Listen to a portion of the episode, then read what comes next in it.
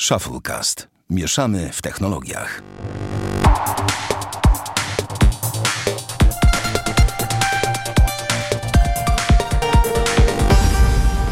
Dwieście ósmy odcinek Shufflecast. Witamy serdecznie Damian Pracz, Siema. Bartek Rogacewicz Siema. i ja Sławek Agata. Panowie, to jest ostatni odcinek tego sezonu, więc robimy sobie od tego momentu przerwę, którą sobie ustaliliśmy jakiś czas temu. Drodzy słuchacze, kolejny odcinek, pierwszy odcinek piątego sezonu tego cudownego podcastu pojawi się w połowie sierpnia prawdopodobnie. Coś koło 15, może 22. Będziemy oczywiście dawać, będziemy dawać znać na Twitterze i, i na Twitterze głównie. Więc jeżeli, no ale te, nawet ci, którzy nie zajrzą na Twittera, to się po prostu dowiedzą ze swojego RSS-a, że nowy odcinek trafił. Natomiast, tak jak mówimy, czeka nas chwilka wakacyjnej przerwy, rozjazdy, wyjazdy, przejazdy, odjazdy. Taki jest aż nasz aktualny plan. To tyle w kwestiach organizacyjnych. W innych kwestiach, panowie, jak wam minął tydzień? Dwutydzień. Dwuty, a właśnie, jak, jak wam minął dwutydzień? Damian, jak ci minął ten dwutydzień? Coś się wydarzyło? Prawie normalnie, no. No to dobrze. Jakieś większe szczegóły, cokolwiek, czy nic? Mm, no, była duża impreza. Mhm, Na jasne. której był też Bartek. No tak, ja faktycznie nie dojechałem. Ty nie dojechałeś, Ale Bartek ale ale spoko, wódka czeka. A, no właśnie. E, no, no co, no. Pojawiła się pewna zmiana w moim życiu i tyle, no. Wspaniale, gratulacje. E, zmiany Nie jestem są w ciąży. zawsze dobre. A, chyba, że spożywczej, ale to bardziej ja. Um, Nie, ja też może trochę. No, ja tylko- tylko będzie, Bartek jak tutaj będzie jest fit. ciąża, to wtedy trzeba będzie wjechać, bo ja teraz nie piłem ani nic. To wtedy jak będzie już ciąża to na pępkowe, to po prostu już na, nie wiem... Jak powiem pijani, to nie będzie to brzmi- brzmiało tak jakbym chciał, żeby to jakby obrazowało e, Stanie to, co mam na upojenia. myśli, tak? W jakim jakby stanie po prostu oknem się wbijemy. Stan, po którym, po którym się już nie, nie siada za kółkiem. Dokładnie takim. Mm, dobra, Barty, a jak u ciebie minął tydzień? No, yy, jak A, już się, przepraszam, tak dwutydzień. powiem, imprezy pokończyły, bo ja jeszcze miałem urodziny brata w niedzielę. Yy, O to... kurde, to w ogóle na grubo. No. Co? Party all night long. Ta. To. ym, no to tak normalnie bym powiedział. No normalnie bym powiedział. Y, jedyna istotna informacja, ale y, zastanawiałem się cały czas, czy mam o tym powiedzieć, czy nie. Kupiłem Magic Keyboard do iPada. O wow. Miesiąc bez kupienia czegoś przez Bartka jest miesiącem stracony. Ty, Barty, to daj jakieś pierwsze wrażenie. No, I czemu? jakby. Czemu? Y, dlatego, że. y, znaczy, temat ogólnie był dosyć. y, przez ostatni czas mocno eksplorowany, no bo na początku miałem takie negatywne wrażenia i. y, I dalej jakby. Znaczy, teraz już nie jestem sceptyczny, ponieważ po prostu przed zakupem sobie posprawdzałem aplikacje, posprawdzałem sobie, jak, to, jak, te aplikacje działają już z myszką i tak dalej. Popatrzyłem sobie, y, no, na przykład, y, jest aplikacja Vectornator do, do, do, grafiki wektorowej. No to sprawdziłem sobie, jak działa przed kupieniem klawiatury, no i działa dobrze, więc y, to jest jedna rzecz. Sprawdziłem sobie Figmę, która mi służy do projektowania UX UI, też działa dobrze. Do tego posprawdzałem sobie jeszcze Pixelmator Photo, to już go wcześniej miałem, ale chciałem sobie jeszcze tam, no chciałem sobie zobaczyć, czy jestem w stanie rawy tam wrzucać i tak dalej. I ogólnie koncept był taki, żeby to było na zasadzie takiej, że y, nie chcę na tym komputerze, na tym, no chciałem powiedzieć komputerze, na iPadzie nie, nie chcę pracować i nie oczekuję od niego możliwości programistycznych, ale no chciałbym... mordo, iPad only. Na topie to jest. Znaczy, no nie da się, ja nie jestem w stanie, ale y, po prostu chciałbym mieć takie urządzonko, na którym na przykład jak będę teraz jechał na wakacje, o Boże, bo ja mam w ogóle pod koniec sierpnia jechać na wakacje, więc nie wiem jak to się pokrywa z naszym urlopem podcastowym, ale ogarniemy najwyżej zdalnie. Mm, W każdym razie, jak mam jechać teraz na wakacje, no to chciałbym sobie, nie wiem, y, móc po, poobrabiać zdjęcia, czy jakieś filmiki porobić i w ogóle tak trochę kombinuję, tak? I, I też przy okazji grafiki wektorowej też trochę kombinuję, żeby sobie to, y, nie wiem, zrobić ciekawiej. E, No i tak jak już posprawdzałem te- aplikacje i to wszystko jakby w tych zakresach, w których miało to działało, no to zobaczyłem, że w sumie kupienie tej klawiatury to nie jest taki głupi pomysł, no bo wtedy mam już jakby touchpad zintegrowany, mam klawiaturę i w ogóle jest taki fajny all-in-one. E, No i kupiłem. No tak, rozumiem, ale jak się ona sprawuje? Jakieś masz na pewno pierwsze e, przemyślenie? wrażenie. Jest super, nie jest super. Podoba ci się taki przycisk, albo nie wiem, fajny skok klawiszy, coś tego typu. Mm, bardziej mi się, w sensie w porównaniu do Surface'a Go 10. To jest dobre porównanie. Surface Go 10 cali i iPad Pro 11, czyli jakby to tam, ten rozmiar jest praktycznie identyczny. Mhm. I jakby te klawiatury, mm, wydaje mi się, że ta w iPadzie też jest minimalnie mniejsza od takiej typowej klawiatury, ale mm, jakby mm, no wczoraj na przykład sobie, bo ja go wczoraj kupiłem, więc to jest taka świeża sytuacja, ale Aha, okej. Yy, no jak wczoraj na przykład sobie pisałem jakieś maile jeszcze wieczorem, to nie miałem żadnego jakby jak- jakichś większych problemów. To, co mi się najbardziej w, w tym wszystkim podoba i to, dlaczego w ogóle się na to zdecydowałem, to to, że to jest jakby... To jest tak samo trochę ograniczone jak Surface, jakbym Mhm. miał porównać. To jest tak samo ograniczone jak Surface, jeśli chodzi o rozmiar ekranu, ale dużo, w sensie, no to jest po prostu, to się nie zacina, wiesz o co chodzi? Tak, inna To- to- wydajność. Tak, i to jest po prostu. Nie, nie powiedziałbym, że nie wiem, że to. No na pewno. no, Skoro Apple dało zrobić, to, to każdy da radę, ale. yy, No ta No, wydajność to bym po nie prostu... powiedział, to że Apple da radę, to nie znaczy, że inni dadzą, bo do tej pory wielu nie dało. Więc wiesz, więc... No w każdym razie, na przykład jak dzisiaj piekłem sobie tartę, to sobie używałem iPada i jakby ja tego iPada używam i, i używam go, w sensie używałem go jeszcze zanim miałem klawiaturę. Lubię go, jest wydajny i jakby nie boli mnie to, żeby dokupić do niego klawiaturę w momencie, kiedy jest szansa i widzę, że, znaczy nawet bez szansy, tylko po prostu widzę, że on po prostu działa. Więc yy, no nie wiem, mi się, mi, się, mi, się, mi się w tej klawiaturze nie powiem, że mi się podoba, nie wiem, gładzik albo klawiatura, no bo jakby yy, gładzik znam, klawiaturę znam, ale podoba mi się przede wszystkim w tym to, że yy, no nie doświadczyłem jeszcze takiego czegoś, żebym kupił klawiaturę i nie mógł z niej korzystać. Nie wiem jak to wytłumaczyć. Jasne. Że jak- jakby tam naprawdę, jakby okej, nie ma takiego otwartego systemu, ale to jest no to, to jest tysiąc poziomów wyżej niż Chromebook, którego miałem. I to jest kosmos. Ciekawe. Okej. Nie no jasne, ale tutaj wydajnościowo ten i nawet niezależnie Tak, od to ograniczeń jest- to systemu, jest- to do rzeczy, które potrzebujesz, zapewne on spełnia się znakomicie. Dokładnie i to jest moim zdaniem właśnie jakby powód, dlaczego w ogóle warto, no bo jeżeli jest tak, że taki iPad to nie jest podejście na zasadzie jak z Chromebookiem, że nie, jakby chciałbym już mieć MacBooka, no ale mam Chromebooka, bo mnie nie stać i tak dalej. W sensie ja tak miałem, tak? Ja nie mówię, że wszyscy tak mają, ale ja tak miałem. Jakby ta, ta wydajność rzeczywiście nie dojeżdża do tego, co ja tam robię i tak dalej, no to to jest słabo, ale tutaj ta wydajność dojeżdża. I to jest, to jest fenomenalne, powiem szczerze. Przeglądanie jakby internetu i te skróty klawiszowe, jakie są z, Maca i tak dalej, to, to działa i, i no tylko to, ja wiem, że to działało też wcześniej, więc y, tylko po prostu tak naprawdę największym problemem jest ta cena, tak? I, i przełamanie te, tego progu cenowego w swojej głowie i jakby tylko to naprawdę ja polecam wtedy y, zobaczyć, gdzie realnie jesteśmy w stanie tego używać i najlepiej zobaczyć przed z jakąś klawiaturą Bluetooth, tak jak ja mam taką swoją Logitecha i tym touchpadem, który ja mam na przykład od, od no to to jest tak naprawdę taki sam zestaw, tylko po prostu oddzielnie, no i nie taki fancy. No ja sobie po prostu posprawdzałem, tak, za- za- zanim kupiłem klawiaturę i dopiero potem jakby stwierdziłem, dobra, no to mogę kupić, no nie? Jasne. Spoko. No to, no to, że tak powiem, ten czas też ci minął, jak to u ciebie. Miesiąc bez zakupu sprzętu, miesiącem straconym. Spoko, fajnie. E, to ja tylko powiem, e, u mnie to, tak myślę, co, co ja właściwie robiłem przez te dwa tygodnie. No na pewno, na pewno, na pewno trochę czytałem ostatnio różnych, cały czas e, mam taką generalną rozkminę na temat te komputerów stacjonarnych i rozważania tego, czy w dzisiejszych czasach komputer stacjonarny ma jeszcze, że tak powiem, podstawy bytu poza bardzo specjalistycznymi zastosowaniami, plus graniem na komputerze. I cały czas nad tym rozmyślam. A to zadam wam to pytanie, tylko tak na starcie, takie zupełnie jakby a propos mojego tygodnia. Czy uważacie, że w, czy Czy jeżeli byście mieli taką możliwość, czy rozważalibyście, aby mieć w domu komputer stacjonarny? I w sumie do Damiana to pytanie jest głupie, bo Damian raczej znam odpowiedź, że tak, chyba że się mylę. Pewnie, mordo. No właśnie, pewnie mordo. Ale Bartek, jestem ciebie, ciekaw jak u ciebie. Czy ty w ogóle na przykład. Oczywiście pamiętaj, że ja traktuję All-in-One też jako, jako komputer stacjonarny, czyli. Trochę protezy, ale niech będzie. iMaki. No nie, no to to jest komputer stacjonarny przecież.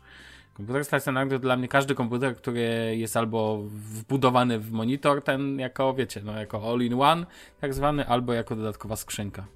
Widziałbyś No to? ja szukam jakby możliwości obniżenia y, jakby kosztu swojej pracy, gdzie głównym kosztem jest komputer, tak? I y, jakby teraz mając tego iPada, to najchętniej to bym w ogóle y, sprzedał mojego MacBooka prywatnego. I jeszcze teraz mam komputer firmowy, więc w ogóle bym, że tak powiem, nawet nie kupował nic w zamian. Bo cały czas go będę, jakby w sensie cały czas go mam, to, to nie jest tak, że jakby teraz jest ostatni jakiś miesiąc, tydzień czy coś. Yy, I tak, w sensie jakbym teraz miał, yy, bo ten zestaw, który mam, czyli ten monitor, który mam, plus klawiatura i, i touchpad są na tyle dobre, w sensie w, w, dotyku, żebym yy, spokojnie wymienił swojego MacBooka na Maca Mini, ale pod warunkiem, żebym już nawet nie miał tego służbowego.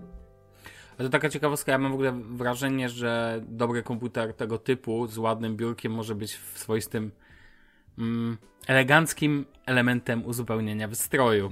Nie wiem, Bartek, czy się ze mną zgadzasz? Tak, ja się z tą zgadzam. Dla mnie zawsze najbardziej jakby takim yy, jakby zwieńczeniem tego, tego podejścia do, do przestrzeni i komputera i tak dalej, to jest no iMac. Dla mnie to jest jakby Jasne. ja po prostu uwielbiam te zdjęcia na Unsplashu i jakbym No, mógł sobie pierdyknąć takie zdjęcie na Unsplashu w realu, na żywo, wiesz, w 3D, no to bym se trzasnął. No dokładnie, do, do tego ładna roślinka i tak dalej. Dobra, tak chciałem tylko rozważyć, no bo wiadomo, że ja uważam, że komputer stacjonarny dzisiaj cały czas ma sens, bo to kompu... Nie wiem, jest w nim coś innego, coś innego niż w laptopach. Nie umiem tego nawet do końca. Komputer stacjonarny to jest taki old school jak stare samochody. Tak, to się z tobą Tak zgadzam, ja bym, ale ja bym powiedział ci, że takich cech jest wiele, bo to jest tylko nie tylko old school, to jest jedna ze stron, bardzo jakby słusznie to, co Bartek też, na co zwróciliśmy uwagę, kwestia wyglądu, takie kwintesencja all-in-one moim zdaniem. tak, ale do tego to jest też takie budowanie ustalonej przestrzeni. To na przykład jak budujesz sobie jakiś, że tak powiem brzydko, dom w stylu feng shui, Wiecie o co mi chodzi, że macie jakieś No przestrzenie, to takie na przykład kiedy laptop nie lata po całym domu, oczywiście ja rozumiem posiadanie wtedy iPada i tak dalej, na przykład, że bierzesz go do kuchni, żeby sobie ten, czy żeby z łóżka sobie, wiecie, poczytać i tak dalej, ale na przykład taki setup, gdzie mamy iPada, no już mu daje świat Apple, iPada Pro i do tego świetnego iMac'a, czy tam Ma- Maca, czy Maca Pro, ja coś takiego widzę. Uważam, że to jest w ogóle świetna sprawa i to też jak czytam tego typu zestawy, czy na przykład jakiś ultrawydajny ultrabook, czy tablet, czy na przykład Surface Pro, połączony z jakimś świetnym stacjonarnym komputerem, też czemu nie? Szczególnie, że Surface Pro też ma tą podstawkę, więc można sobie go tam postawić przy kuchni i przygotowaniu oglądań na przykład YouTube'a przykładowo. Znaczy, ja E. myślę ogólnie, że to jest tak, że jakby jak masz, jakby, jakby tak na swoim przykładzie, Mhm. jak ja jeszcze mieszkałem u mojej matki, a potem jak mieszkałem u ojca, no to ja miałem takie biurka, które były do dupy i mi nie było wygodnie. I dla mnie temat komputera stacjonarnego to był temat po prostu mordęgi. No, ale masz w ogóle super spostrzeżenie, bo uważam, że dobry komputer stacjonarny nie będzie dobrym komputerem stacjonarnym bez dobrej przestrzeni, na której on jest. To znaczy dobrego stołu, biurka Dokładnie. i tak dalej i dobrego Ja- krzesła. Tak, ja odkąd mam to biurko, które jakby jest na, w sensie to, co jest najpiękniejsze w biurkach regulowanych elektrycznie do stania, to nie jest to, że możesz się podnieść, żeby przy nim stać. To, znaczy, jest piękna rzecz, za którą niby je kupujesz, tylko to jest najpiękniejsze dla mnie, przy moim wzroście, to jest to, że ja mam wysokość tego biurka, jak siedzę, wyżej niż normalnego. A, okej, jasne. I y, to, że ja mam taką sytuację, że ja jak sobie teraz siedzę z wami, to mogę sobie położyć ręce i one leżą i mnie nic tutaj, że tak powiem, w sensie to, że ja mam głowę przysuniętą do przodu, to ja tak całe życie mam, tak chodzę jak taki nerd, Gołąb. ale tak, dokładnie. Tym ja zawsze się zawsze mnie śmieję, bo ja, jestem już mistrzem świata w korzystaniu z tego, że mam długą szyję. Nie no, ale y, w każdym razie to podparcie jest ważne. To, że mnie w nogi nic nie uwiera jest turbo ważne. To, że mogę się wsunąć, czyli nie muszę jakby być, wiesz, wycię wyciągnięty do monitora, tylko mogę jakby wygodnie siedzieć. To jest coś, co jakby y, stawia komputer stacjonarny, jeżeli chodzi o wygodę, dla mnie powyżej laptopa. I dlatego ja na przykład teraz tak patrzę na laptopy, jak patrzę. No bo jeżeli jest tak, że mam 15-calowego ma ma MacBooka, tak, który jest duży, no bo jest, i jakby ja kocham te komputery i nigdy w życiu nie chciałbym wrócić do czasów, kiedy nie było mnie na nie stać, bo uwielbiam i jakby są świetne. Natomiast finalnie stacjonarny jest wygodniejszy. Czy to iMac, czy to Mac Mini, czy to komputer z Windowsem i tak dalej. Bo jak sobie dobrze zrobisz ergonomię, monitor, ręka, noga, y, biurko, fotel, no to wygrałeś, tak? To, Tak, to, tak, to żaden, tak, tak. żaden laptop jakby nie jest prosta, tym bardziej, że laptop, no jednak mimo wszystko, jak korzystasz, to zawsze patrzysz w dół. No tak, masz rację. No nawet jak sobie postawisz ekran do, dodatkowy, to często jednak na tego laptopa tam spoglądasz, no chyba, że on jest zamknięty i naprawdę służy jako tylko taki hub. Znaczy ja tu mam, tak? Ja tu mam niby otwarty i tak dalej, ale jakbym, że tak powiem, mógł, to bym nie miał, no nie? No właśnie, to jest też ten... Bo Dobra, to u, tak u, mnie, u no, mnie no, w ogóle, w sensie jakby u mnie ta ergonomia y, pracy i w ogóle korzystania z, z, z tych elektronicznych tematów i, i, i rozwiązań, to tak jak, to, jak sobie rozmawiamy i, i, i, i czas mija, to ja widzę, że to jest takie dosyć duże poszukiwanie jakiejś ergonomii. W sensie ja na początku, najpierw to było tak, że musiałem jakieś potrzeby spełnić w stylu, nie wiem, praca i tak dalej. Mm, A teraz to jest tak, że po prostu no ta ergonomia gra dużo, du, du, znaczenie i nawet wiesz co, powiem wam więcej. Teraz realizuję taki jeden projekt i pojechałem do takiego miejsca, gdzie ludzie tam, którzy są po stronie klienta z tego projektu, pracują, no nie? I poszedłem do, z nimi do pomieszczenia, żeby zobaczyć, jakiego systemu obecnie korzystają. I ja jestem może, że tak powiem, rozkojarzony, ale to, co zwróciło moją największą uwagę, to nie to, że korzystają z jakiegoś tam systemu, który jest stary, głupi czy coś, tylko to, że koleś, jak miał biurko, to pod biurkiem, to biurko było małe, pod biurkiem miał szufladę i nie był w stanie nogami się w pełni wsunąć do środka, a przestrzeń na nogi była na tyle mała, no, no biurko było jak dla dziecka, no nie? Więc ziomek ewidentnie miał tak, że niby miał taki fotel jak ja, ale głowę to normalnie miał metr do przodu, więc te plecy to po prostu był taki banan, że ja tak jakby stałem i tak po prostu no, miałem jakby mocno wstrząśnięty. W sensie wiem, że to dosyć popularna sprawa. To nie jest tak, że dużo ludzi jakby dba o swoją postawę przy komputerze, bo na pewno więcej nie dbam, przynajmniej tak mi się wydaje. Ale yy, byłem naprawdę mocno zszokowany, tym bardziej, że koleś miał, wiecie, po 50 był i już widać było w jego, jakby, w sensie jak chodził i tak dalej, to było widać po prostu w jego sylwetce to, że jest, wiesz, pracownikiem, że tak powiem, siedzącym komputerowym, no i jeszcze jak jest tak wsunięty przez ostatnie 15 lat swojego życia, no to to jest, to jest po No to prostu jego droga do kręgosłup nie będzie mu na pewno wdzięczny za to. Albo już No. nie jest. A tak swoją drogą, to pytanie takie kończące temat za milion. Czy wasze krzesła, przy których siedzicie, macie, mają oparcia? Tak. No. U ciebie mają, u, i u ciebie też. I u mnie też. Ale ja na przykład uważam, że bez oparć ma to sens, bo łatwiej się właśnie dosunąć też często. Oczywiście to też zależy od krzesła. I to, co Bartek powiedziałeś, w twoim przypadku ty masz to o tyle lepiej, że ty możesz regulować nie tylko krzesło, ale i wysokość biurka. Tak, to jest Bo mega akurat- ważne. Tak, bo ja ani, Damian chyba nie masz regulowanej wysokości, ja też zresztą nie mam. Nie, nie. No, więc ten. Dobra, panowie. To niedługo biurka nie mieć nie będę. Dlac- Jezu, to też ci zabiorą? No też mi zabiorą. No ale gdzieś stół trzeba wstawić i te inne rzeczy, nie? Ulala, Taki panie. normalny stół, bo generalnie to wiesz, takim malutkim póki co ja mam na biurku. Okej, rozumiem. No to No. tutaj grubo, to będziesz mówił. Ale to ty z laptopa musisz stać tak, to nie ma siły. No muszę, muszę, dlatego nie ma póki co opcji innej, ale bądź pewien, że jak się moja sytuacja mieszkaniowa trochę bardziej Mhm. ogarnie, na większą przestrzeń, ja sobie zrobię kącik z biurkiem, takim A, dwumetrowym i komputer, nie odpuszczę tego. Wyślę ci później taki kanał, może go podepnę też do odcinka, gdzie są set, no w sumie podepnę go, gdzie są takie setup warsy, czyli w sensie ludzie wrzucają, wysyłają, dzielą się swoimi setupami i można sobie zobaczyć już 200 odcinków ponad tego, to co wczoraj zobaczyłem, po prostu niektóre, to co sobie ten wyślij kolej zrobił, wyślę ja ci też. też to zobaczę. Dobra, powiem wam, że mega, mega się dobrze to ogląda. Fajny z opisami i tak dalej. Wow, to jest w ogóle. Nie wiem, mnie to jara. Ale gdzieś- są same z górnej półki tylko, czy są jakieś no, takie też są też z tak niższej dalej? półki, są. Od, jest taki przekrój od sprzętów od, na Apple, po totalnie odjechane całe piwnice zrobione z czterema komputerami, chłodzeniem customowym, wodnym w obudowach. W ogóle ten powiem wam, że niektóre. I nie wszystko jest choinkowe, na przykład RGB i tak dalej. Aha. Są też bardziej neutralne rzeczy, czasami minimalistyczne. Mega, w ogóle pode, podeślę wam, podepnę też to Setup Wars do, do odcinka, nie ma problemu. E, panowie, przejdźmy do dwóch takich wątków, które chciałbym poruszyć, jeżeli chodzi o bardziej newsy. Mm, Nie wiem, obydwa pewnie jakoś, raczej jeden może was nie zainteresować, drugi może bardziej, więc tak na szybko, bo dużo czasu poświęciliśmy na ten początek. Windows Build 20161 i my dość rzadko mówimy i w sumie to ja mam zamiar teraz kilka rzeczy u siebie wprowadzić, aby być już insiderem w pełni, bo to trochę mi głupio, że ja tu często mówię o Windowsie, a insiderem cały czas nie jestem, bo mi się nie chce zamknąć tematu. Ale nie zmienia to faktu. Tutaj, Bartku, ty wiesz, do czego cię będę też namawiał, natomiast to Ja jest to zrobię. wątek. Ja, Ja też. zapomniałem o tym, ale to Oba, zrobię. nie, spoko, spoko, to sobie ogarniemy. Natomiast, bo chciałbym, żebyśmy byli na bieżąco z tym. Natomiast chciałem powiedzieć o tym buildzie 20161. Dla, ja tak zawsze mówię liczbowo, jak ktoś uważa, że to jest 201, 61, whatever. Tak czy owak, dlaczego? Chcę o nim wspomnieć. Windowsowe buildy inaczej niż aktualizacje macOSa mam wrażenie, że postępują bardzo powoli i każdy ten build to jakieś drobne zmiany.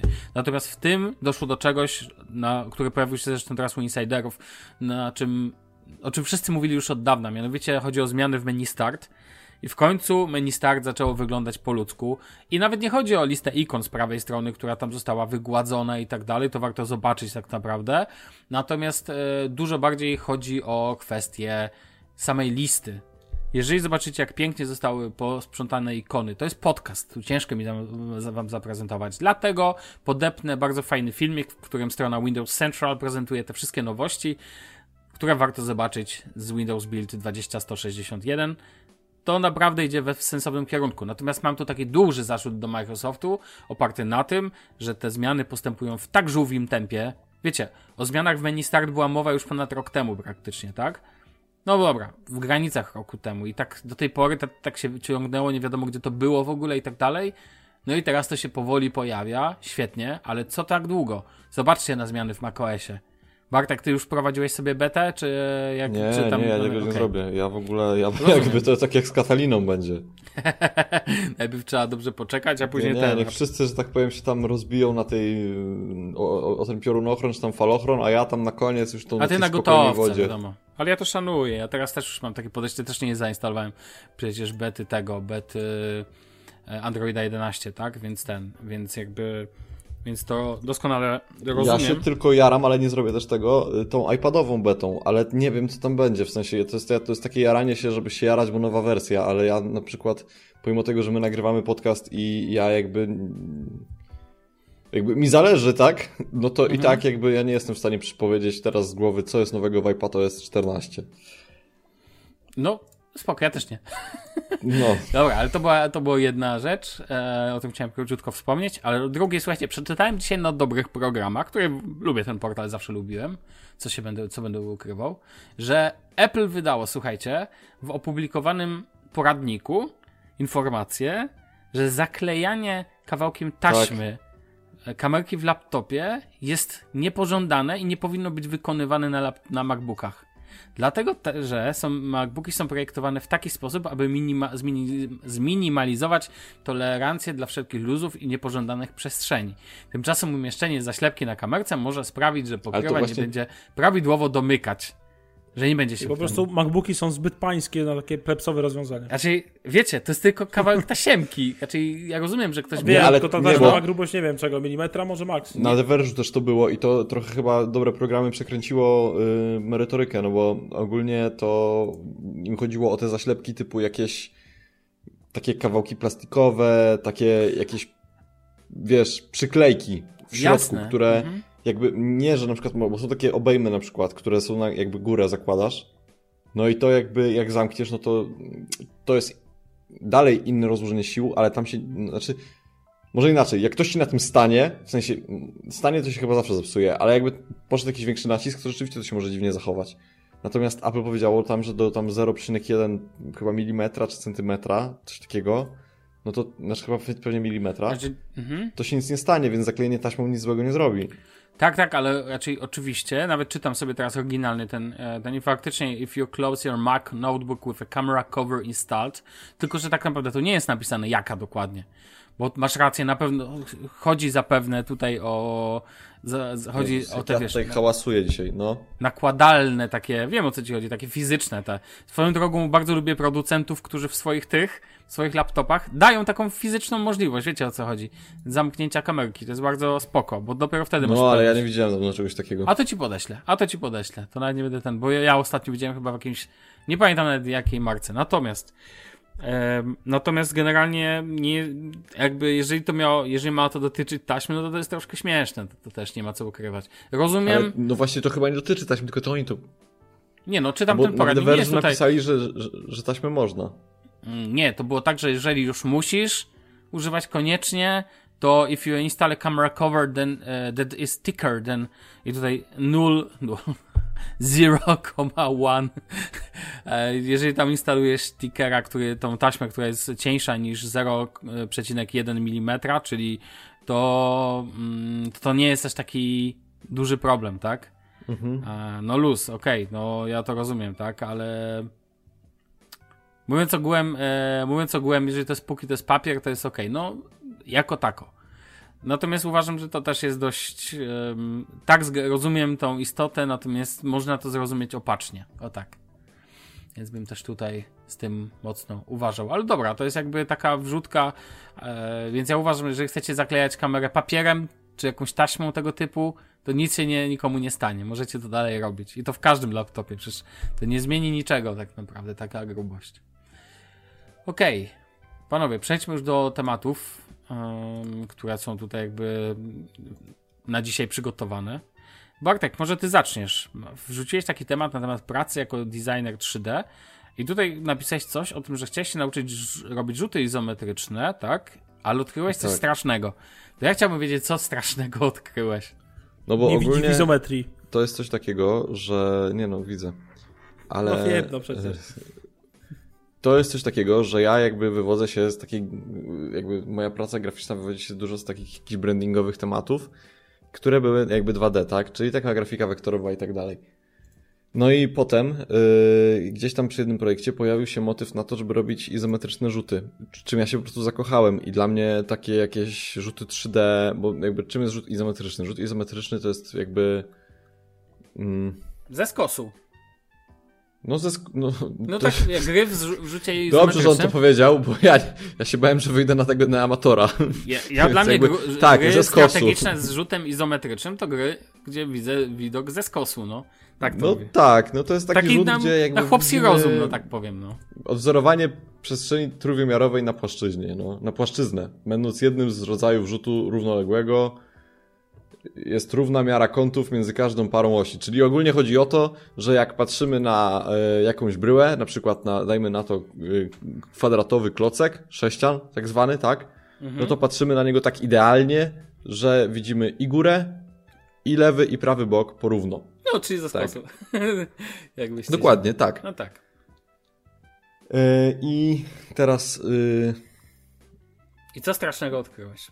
No to, że jakby jeżeli chciałbym się uczyć Cinema 4D, bo mhm. to jest taki program, albo jest jeszcze jakieś Maya Studio i takie inne, ale Cinema 4D jest definitywnie po prostu programem, który ja kocham, jakby patrząc na te tutoriale i tak dalej, bo naprawdę to jest to, co można tam zrobić, słuchajcie, to są, no, no możecie na przykład zrobić całą mapę do Wiedźmina, tak? I możecie projektować od cegły, w sensie, bo to jest grafika wektorowa w 3D tak naprawdę. Czyli możesz projektować to, w jaki sposób w cegle będzie ubytek po, dajmy na to, nie wiem, yy, no, kulce z pistoletu, tak? W sensie pocisk. Pocisko, pocisk z, z, broni palnej, tak. Yy, I to oprogramowanie jest bardzo drogie. W sensie mówi to Bartek, więc jakby to oprogramowanie jest bardzo drogie. Yy, I żeby wam powiedzieć, ile to kosztuje, to kosztuje to za miesiąc, już wam mówię. Yy, znaczy za rok, może za rok. No jakoś tak 3600, 2900 rocznie, tak? I, I po roku nie masz tego oprogramowania dalej, tylko musisz płacić dalej. Więc no 300 zł, tak, miesięcznie. Ja bym się bardzo, jakby w sensie może, ja bardzo chciałem się tego nauczyć mm, e, i stwierdziłem, że no dobra, ale jeżeli program jest taki drogi, a ja nie chcę jakby go piracić i tak dalej, no to popatrzę sobie na jakby pracę po tym programie. No i wychodzi na to, że projektanci 3D, na przykład w Anglii, yy, zarabiają tak no połowę tego, co zarabiają projektanci UX UI co dla mnie jest to absolutnie niesprawiedliwe, bo jakby grafika 3D i to, co tam się robi, to jest po prostu kosmos. I to chciałem powiedzieć, a ponieważ wiem, że na przykład słucha nas, y, chyba, mam nadzieję, że słucha nas Grzesiek, który sam, sam trochę coś tam rysuje w Illustratorze i gadaliśmy ostatnio Affinity i myślę, że jest sporo osób, które gdzieś tam o tą grafikę się y, odbijają, czy tam rozbijają, no to no to, to jest, nie wiem, ja się czuję tak jakby to było tak, że ten, co projektuje silniki, to zarabia mniej niż pilot, no nie? Tak bym to powiedział, o, mhm. samolotowe, tak? I, I tak samo jest tutaj, jakby projektowanie i, i rzuty izometryczne to jest, no, coś niesamowitego i jakby, ja wiem, że to się kojarzy może wszystkim, no, bo to do gier czy coś, ale to nieprawda, bo w wielu materiałach reklamowych i tak dalej tego typu, mm, no jakby umiejętność moim zdaniem jest mega przydatna i, i chciałem się tego nauczyć, no i się tego nie nauczę, bo coś mi się po prostu nie opłaca. Okej. Okay. Spoko. Ja się zawiodłem. W sensie myślałem, że ludzie, którzy robią jakby 3D są... Znaczy wiem, że to zależy od klienta i tak dalej, ale myślałem, że to jest bardziej takie, wiesz, jakby no cenione, a, a wychodzi po prostu na to, że ludzie, którzy, w sensie, że, że chyba rynek nie do końca ma pomysł na to, jak takie 3D można jeszcze zmonetyzować, skoro ci projektanci 3D tak mało jakby zarabiają z tego co widzę. No nie mówię tutaj o projektantach maszyn, bo to jest co innego. Mhm, właśnie wszedłem na sobie na stronę jednej ze z moich znajomych y, agencji tworzących gry i właśnie widzę, że są oferty dla grafików 3D. Rozumiem, że to będzie ta praca, o której mówimy, co nie? No tak. Um, tylko szkoda, że tutaj nie mają, nie mają w swoim nie mają podanych widełek e, finansowych. Nie, ja polecam patrzeć na przykład na Glassdoorze, y, Mhm. na, y, ja patrzyłem na Anglię, bo, bo, bo jakoś, w sensie nie planuję się do Anglii wyprowadzać, ale tak jakoś wyszło, że patrzyłem na Anglię. No i UX UI designer spokojnie 100 tysięcy funtów miesięcznie, rocznie jest w stanie wyciągnąć. Miesięcznie. Y, A ten, a, a do porównania projektant 3D był na poziomie jakichś tam 60, 50, Aha. coś takiego, no nie? Okej. No to jak ja bym miał siedzieć i uczyć się Cinema 3D, 4D i jakby wiesz, wkładać w sprzęt i tak dalej po to, żeby mi to wszystko chodziło, no to na końcu bym się czuł yy, skrzywdzony. Jasne. No dobrze, okej. No to ja, ja się z tobą zgadzam. Też uważam, że jeżeli jest tak, jak mówisz, to to jest bez sensu. Mm, no. Okej, panowie, to może przejdźmy dalej. To teraz ja wezmę na siebie trzy kolejne tematy. Mhm. Pierwszy to jest temat, który chodzi za mną już od dość dawna. Jako, że żyję w Niemczech, to spotkałem się trochę z niemiecką technologią, jak ja to mówię. Jedną z nich jest. Jest tu Volkswagen, Das Auto. BMW albo, i, A, albo Mercedes, też. nie?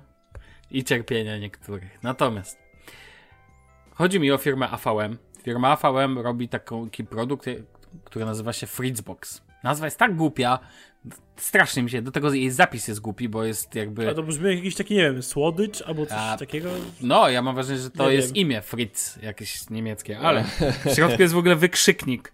E, wiecie, między Fritz a, bo, a Box, co jest w ogóle absurdalne, bo zapisywanie tego jest bez sensu.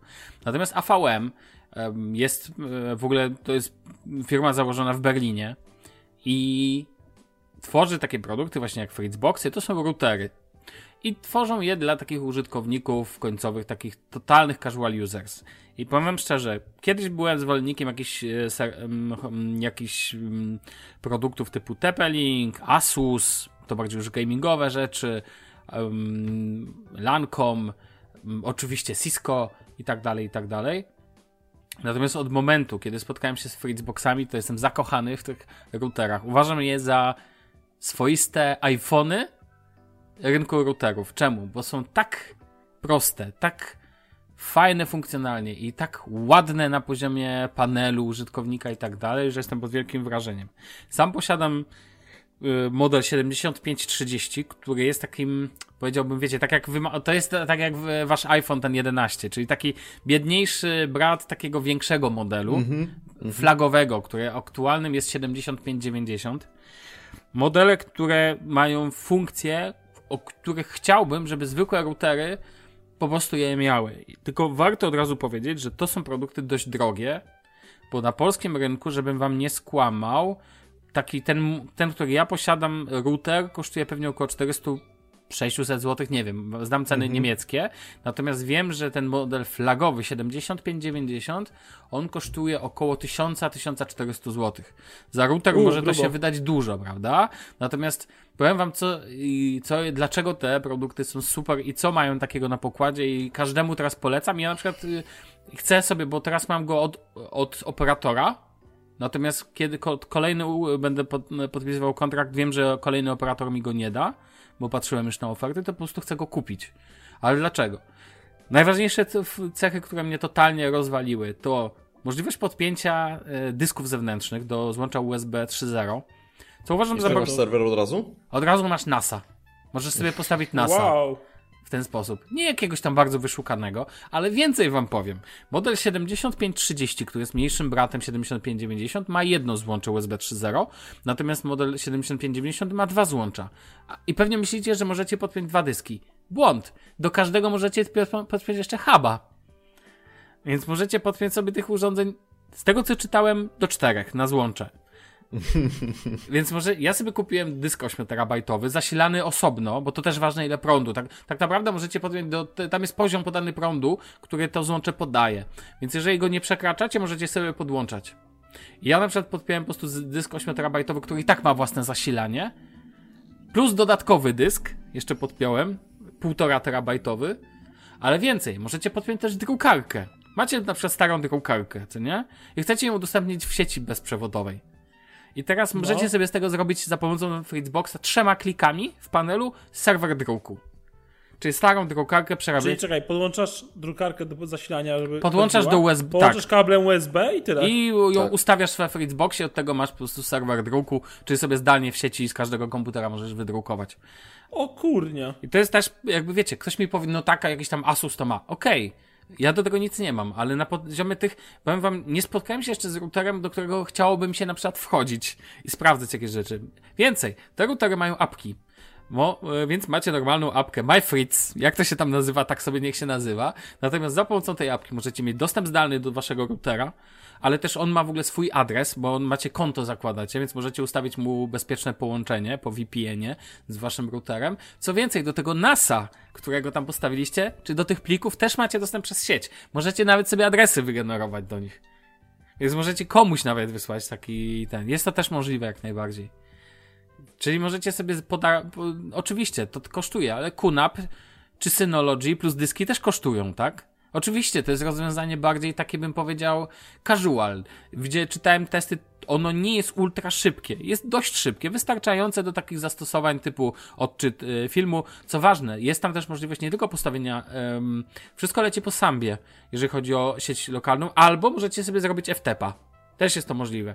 Albo, ważne, możecie też to sobie stosować, boże, zawsze mi się mylą skrót, DSL, no wiecie, udostępnianie streaming w sieci lokalnej, tak? Czy możecie też, e, taki dysk może służyć dodatkowo też jako e, serwer multimediów, czyli tylko do streamowania filmów i tak dalej, i tak dalej. To jest jedna funkcja, czyli ten jakby NAS.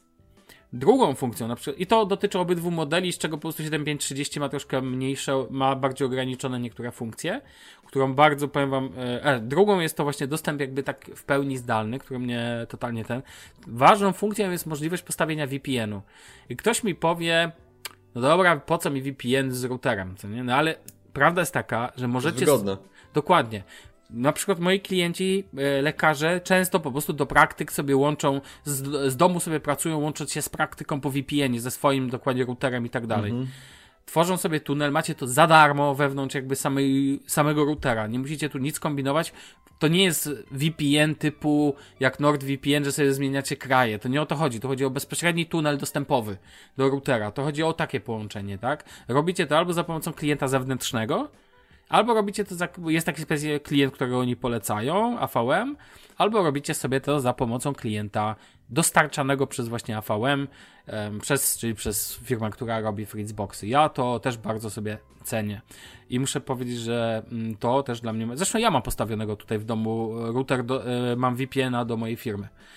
Teraz tak, mamy zarówno, tutaj są zarówno produkty na kabel, czyli podłączenie kablowe, jak i po podłączenie DSL-owe. DSL w Niemczech jest bardzo popularną metodą połączenia, ja zawsze mówię typu Neostrada, ale tak naprawdę wiecie o co chodzi. DSL, czyli połączenie po kablu tak naprawdę telefonicznym, takim, no takim bardzo tautologicznym metodologii bym powiedział, ponieważ w Niemczech bardzo popularna jest cały czas sieć stacjonarna. I ten produkt ma też, te produkty mają też fajnie wpisane podpinanie e, te, telefonów stacjonarnych. Takie dosłownie centralki telefoniczne. I dla was to ja wiem nie ma żadnego znaczenia, ale powiem wam, że tutaj to ma znaczenie. I na przykład, pro, ale dla mnie, jako osoby, która często takie rzeczy konfiguruje teraz, powiem wam, że super jest, kiedy ja mogę sobie coś łatwo skom... Wiecie, wchodzę do panelu i tam wszystko działa. To tak jak Bartek, wiesz o co chodzi, produkt, jak w wielu produktach Apple, ale też teraz w Windowsie 10. Jak coś działa, to jest miło. I tam po prostu wszystko działa. Miałem ostatnio taką sytuację, że e, Telekom mojej jednej klientce przełączył jakiś e, kontrakt i zwiększył jej pakiet. I stary router jej się po prostu nie wiadomo dlaczego wysypał. Próbowałem z nim robić wszystko. Podpiąłem po prostu na następnie testowego, ma, zawsze mam ze sobą Fritzboxa, sru zadziałało. Wiecie, jak się konfiguruje połączenie sieciowe tutaj w takim Fritzboxie? Na przykład dostaliście dane od operatora, co nie? I już wiecie, że w waszym gniazdku jest internet. No ale teraz musicie to skonfigurować, tak? Z waszym routerem. Zgadza się. Czy to będzie kabel, czy to będzie połączenie ten. W takim oto Fritzboxie wchodzicie sobie do, mm, do pana, wchodzicie jakby, to jest taki, wiecie, startowy konfigurator, następnie podajecie operatora i nie podajecie żadnych danych, ponieważ on sobie pobiera to wszystko z sygnału i po prostu po minucie wszystko działa. Pobiera numery telefonów i tak dalej. Musicie je tylko przypisać do konkretnych telefonów i tak dalej. I jest jeszcze jedna bardzo ważna rzecz, którą ja bardzo doceniam, mianowicie siła sygnału. Widziałem testy, tu nie masz żadnych takich anten widocznych, wystających, które są bardzo popularne w wielu routerach. Natomiast ja na przykład, e, mój Fritzbox stoi na dole. Ja jestem na poddaszu i moja sieć to około 100 megabitów. No 100 megabitów dokładnie. I tutaj siedząc na poddaszu nie mam żadnego problemu, żeby wyciągać te pełne 100 megabitów. 99, tam 100, 102 czasami nawet w ogóle absurd. I co ja sobie bardzo w tym cenię, to właśnie to, że nie ma problemu z siłą sygnałów. Dla mnie to ma duże znaczenie, bo mam też, e, słuchajcie, taki stary router, tylko on kosztował 100 zł, fakt. Od TP-Linka. To jest akurat podłączenie kablowe. I powiem wam, ile ja tam się namęczyłem z sygnalizacją tego, żeby to było, wiecie, to, żeby to Wi-Fi jako tako śmigało to po prostu moje. Ja pomijam oczywiście, jakie standardy spełniają Fritzboxy, natomiast kocham, kocham, kocham to, jak tu się zarządza tym routerem, tym routerem, jak to, że mogę sobie spojrzeć na NASA, jak to, że sobie mogę to zrobić z telefonu, nawet nie muszę logować się, jak po prostu to wszystko sprawnie działa. Ten serwer druku jest przyjemną sprawą, po prostu mam starą drukarkę, podłączam, cyk działa, tak? Dwa kliki. Do tego możecie sobie podpiąć jakiś tam cały ich ekosystem smart home, Szkoda, że to działa tylko dla ich e, referencyjnych urządzeń, nie można podpiąć mhm. innych. Natomiast generalnie działa, i taka ciekawostka, słuchajcie, nie wiem, czy kojarzycie, że kiedyś była taka funkcja fax. Zapewne wiecie, jak to tak. działało. No, niestety cały czas w Niemczech jest to funkcja popularna. Ale ten oto, no i dla, mm, jako że pracuję w branży medycznej, gdzie jest to bardzo popularne, niektórzy lekarze to potrzebują, ale nie mają podpiętej drukarki z funkcją faksu. Na szczęście we Freezeboxie jest funkcja faksu i on sobie odbiera taki faks, następnie przetwarza go na maila i wysyła ci jako załącznik po prostu na adres e-mail i tyle. Pff, też to działa, tak? I po prostu Szanuję, szanuję, szanuję. Ciekawostka, słuchajcie, wychodzi właśnie oficjalna już nie beta, tylko nowy software. Oni mają taką nazwę Fritz OS i ten Fritz OS dostał teraz aktualizację z 7.14 bodajże na 7.20 i w tej nowej wersji, słuchajcie, jest język polski. Jest sześć języków, pojawiło się język, bo do tej pory był tylko niemiecki, jest język angielski i jednym z języków, jak widać AVM to nie Apple i traktuje Polskę jako ważny rynek. Zresztą na Allegro widziałem, że jest, jest w ogóle oficjalny polski sklep, widzę AVM teraz, więc można sobie kupić taki router spokojnie w Polsce, z ciekawości nawet sobie tutaj w tle wejdę i spojrzę, natomiast jeżeli byście szukali routera, który zapewni wam spokój, Bartek, to nawet tobie powiem szczerze, jakbyś sobie chciał kiedyś zapewnić router, jest też wersja pod kabel yy, i chciałbyś sobie kupić i hajs by cię, że tak powiem, nie ograniczał, chcesz po prostu kupić i sobie móc fajnego routerka mieć, który bardzo dobrze działa i nigdy ci nie sprawi problemów i to nikt mi za to nie zapłacił, bo po prostu to z mojego użytkowania jest, to ci bardzo polecam. Zwyczajnie po prostu, bo to Ale zwyczajnie logo działa. No. Mają jak... Czekaj. Straszne mają to logo. Dachy Pruszyński chyba. No, dokładnie. Wiesz, jakaś ten, jakieś, mówię, no prostu wszystko generalnie Muszę tutaj ten... Pruszyński, to się nazywa Pruszyński wszystko generalnie działa i to jest mega fajne, jakieś tam funkcje mesh i tak dalej, i tak dalej. E, ale patrzę, nie mogę dokopać tylko do ceny swoją drogą. I kup Stary, teraz. no dokładnie. Blachy Pruszyński, wpisz tak? sobie. I postaw sobie obok y, logo Fritz. Blachy Pruszyński. Ja to, ja to gdzieś widziałem. Okej, okay, ale to wiesz co, nie sądzę, żeby zgapili, bo to jest od y, no, 80 Nie, no to nie, nie, to, jest, to reklamował swego czasu. To jest jakby, to jest, to jest koincydencja, ale ale po prostu logo, to znaczy w sensie, no... To, to Niemcy produkują te routery, tak? Tak, tak, tak, w całości No, no, to, to, to widać, to jest... o, słuchajcie. a, co ważne, e, na takim Fritzboxie można postawić więcej niż jeden tunel VPN. Naprawdę to ma czasami znaczenie już takie bardziej. E, chodzi o to, że można się połączyć więcej niż jednym jakby połączeniem dodatkowym. A, jeszcze ciekawostka, powiem wam. Bardzo mi się podoba funkcja gościnnego e, VLAN, Wi-Fi Chodzi o to, że ja mam na przykład dwie sieci postawione teraz. Jedną mam dla siebie, a druga jest dla gości. Chodzi o to, goście mają dostęp tylko do internetu. Po co? Po to, że jak ja mam wszystkie ustawienia, wiecie, wszystkie produkty, wszystkie dyski, mam tego smart home'ów 16 urządzeń, tak? Jak ja mam to wszystko wbite w sieć, to nie chcę, żeby ktoś przez przypadek mi się wbił na sieci przypadkiem. Ja nie mówię, że celowo, coś pozmieniał, wiecie, i tak dalej. Nie, po to jest druga sieć, chcesz internet, proszę bardzo. Zrobiłem dodatkowy po prostu Wi-Fi i cyk, działa i spoko. A powiem wam, aktualna cena. Czyli już nie będziemy mieli normalnego dostępu do nie, internetu. zmieniłem tu w ogóle poprzednie. nazwy, już tam te też się zmieniły teraz, No. więc 7590 kosztuje 1199 zł, a ta wersja, którą ja mam, nie jest aż tak droga i jest wystarczająca, kosztuje 549 zł. Dobra, ale ma to polskie menu, czy niemieckie? Tak, od teraz ma już polskie menu. Od teraz O. już ma. Dlatego właśnie to jest spoko, że też ma pełne polskie wsparcie i uwierz A mi, co Damian, jarasz się? No, ja nam się Ja wiem, we- gówniane routery, ale uważam, że 500 na router, który pod- podłącza dyski sieciowe i Tak. tak, dalej, to całkiem uczciwa cena. A do tego jest jeszcze jedna bardzo Ja ważna tak rzecz, uważam. to, że przede wszystkim, a możesz sobie podpiąć telefon właśnie po voice over IP też, jakby, wiecie, no to jest po prostu, dla mnie wielką zaletą jest bezproblemowość, to, że podłączasz sobie dysk sieciowy i siła sygnału. Kocham siłę sygnału z tych urządzeń. Po prostu to, że tu Wi-Fi zawsze jest mocne, żadnych. Zresztą byliście u mnie. Nie było żadnych skarg na internet. A miałeś, a wy w Niemczech też macie takie żarty, że masz testowy 5G? Proszę nie palić.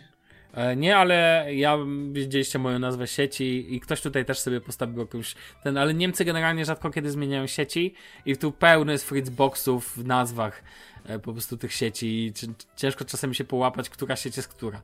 To już mi się zdarzało po prostu. No bo tutaj powiem wam szczerze, 90% myślę routerów jakie są to są Fritzboxy w różnych wersjach. To jest w ogóle niesamowite, jaki tu jest y, monopolistyczny rynek na to. I to nie dlatego, że ktoś ich zmu- ktoś zmusza klientów. Nie, nie, po prostu ludzie to kupują, bo to jest pewien standard się zrobił i tyle. Ja to nawet szanuję, bo to jest jednak wspieranie własnego, wiecie, własnego producenta. Było, nie było. W Polsce raczej się wszyscy śmiali z tych wszystkich firm, które musiały się nazywać, wiecie, musiały się nazywać, nie wiem, przepraszam, Krugermans albo inne, żeby się nazywać, wiecie, zachodnio, tak? No A tu no się to to- to nazywa jest- Fritzbox. Jedyny te AVM, ale dobra, Fritzbox. To brzmi tak niemiecko, jak się już bardziej niemiecko chyba nie da. Mam wrażenie. Więc ten, no nic. Tak chciałem się z wami podzielić, ale uważam, że ten mniejszy szczególnie, który ma te wszystkie funkcje, ale na przykład ma mniej tuneli VPN, No, albo nie no. ma tak rozbudowanej tej. 500 zł, tam 550 za możliwość jeszcze podpięcia dysków. Moim zdaniem spoko. Sam wiem za ile za swojego MyClouda zapłaciłem. A to też jest, a jest dużo wolniejszy niż e, połączenie tutaj z tymi Fritzboxem. Dobra, to tak chciałem wam to sprzedać. E, będziecie... Fajne jest to, No, że. y, bo ja tak się, Damian, pytałem ciebie, czy ty się jarasz, czy nie, bo. y, bo widziałem po prostu, że, że, że trochę, że, że trochę jak, że tak jak może, nie wiem, na przykład nie będziesz kupował iPada Pro z klawiaturą, tak, widziałem po prostu zainteresowanie y, przy okazji tego routera. y, I dlatego zapytałem. A fajne jest to, że y, możesz mieć po prostu postawiony taki mały dysk, bez konieczności ogarniania tego, że a, bo ja tu chcę mieć lokalny serwer i tak dalej, tak? Wiadomo, że dzisiaj Tak. już jesteś w stanie sobie kupić w pudełku jakby lokalny serwer, który tylko musisz wypełnić dyskami na przykład no tak, QNAP chociażby. i, i włączyć i on działa. Mm.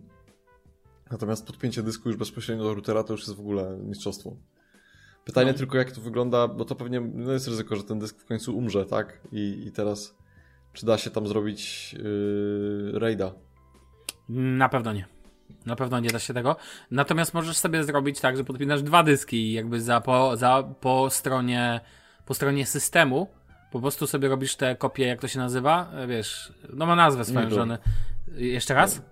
No raid to się nazywa. No tak, ale w tym jakby, znaczy możesz sobie zrobić takiego w tym kontekście, że kopie się tam robią, wiesz, nadpis, jakby nadpisują się na jeden dysk, na drugi, ale to robisz po stronie software'u, tak? Po stronie software'u na stronie, e, czyli po stronie Windowsa czy tam Maca.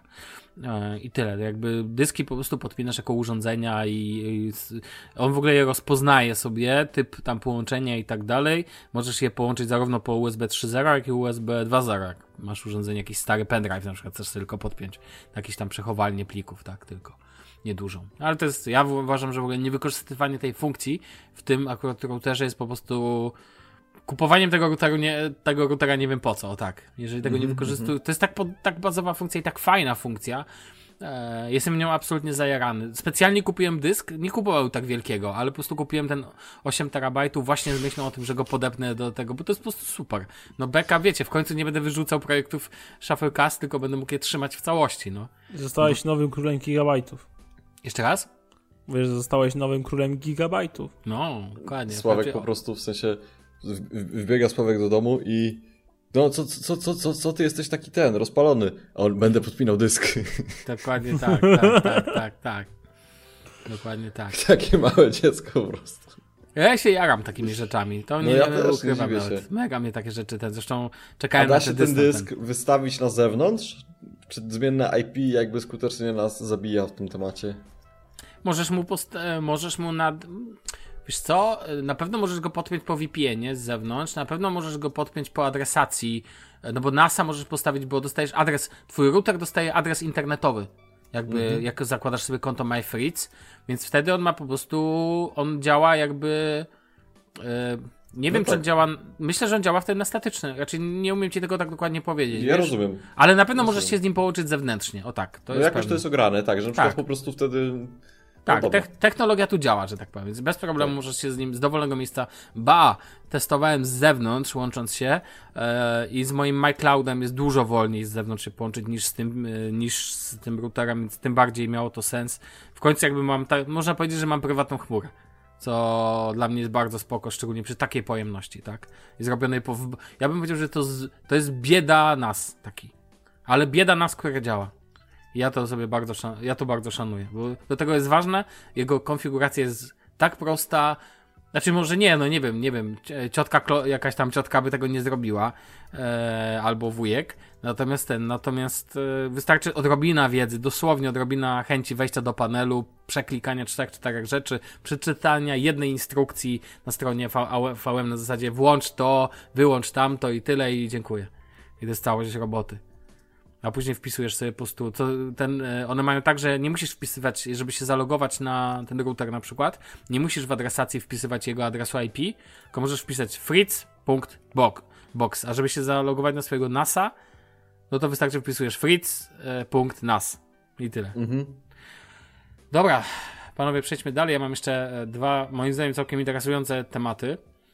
Napisałem coś takiego, czasami warto zresetować telefon. I powiem wam szczerze, z, z dwa tygodnie temu przeprowadziłem o pierwszy, pierwszy, pierwszy od bardzo dawna reset telefonu Pixela do ustawień fabrycznych, ponieważ chyba zainstalowałem za dużo rzeczy i Google mi się zaczął wysypywać. Dosłownie. Aplikacja Google notorycznie się wysypywała. I stwierdziłem, tak brałem się za to od dawna. Ja lubię sobie co pewien czas odświeżyć rzeczy. I pomyślałem sobie, no tak, ale to Damian narzekał, że backupy na, że, że to tak nie działa jak na Apple, że jak ja usunę wszystkie pliki, to to mi się to później nie wróci i tak dalej, i tak dalej. I wiesz co ci Damian powiem? A, Bzdura.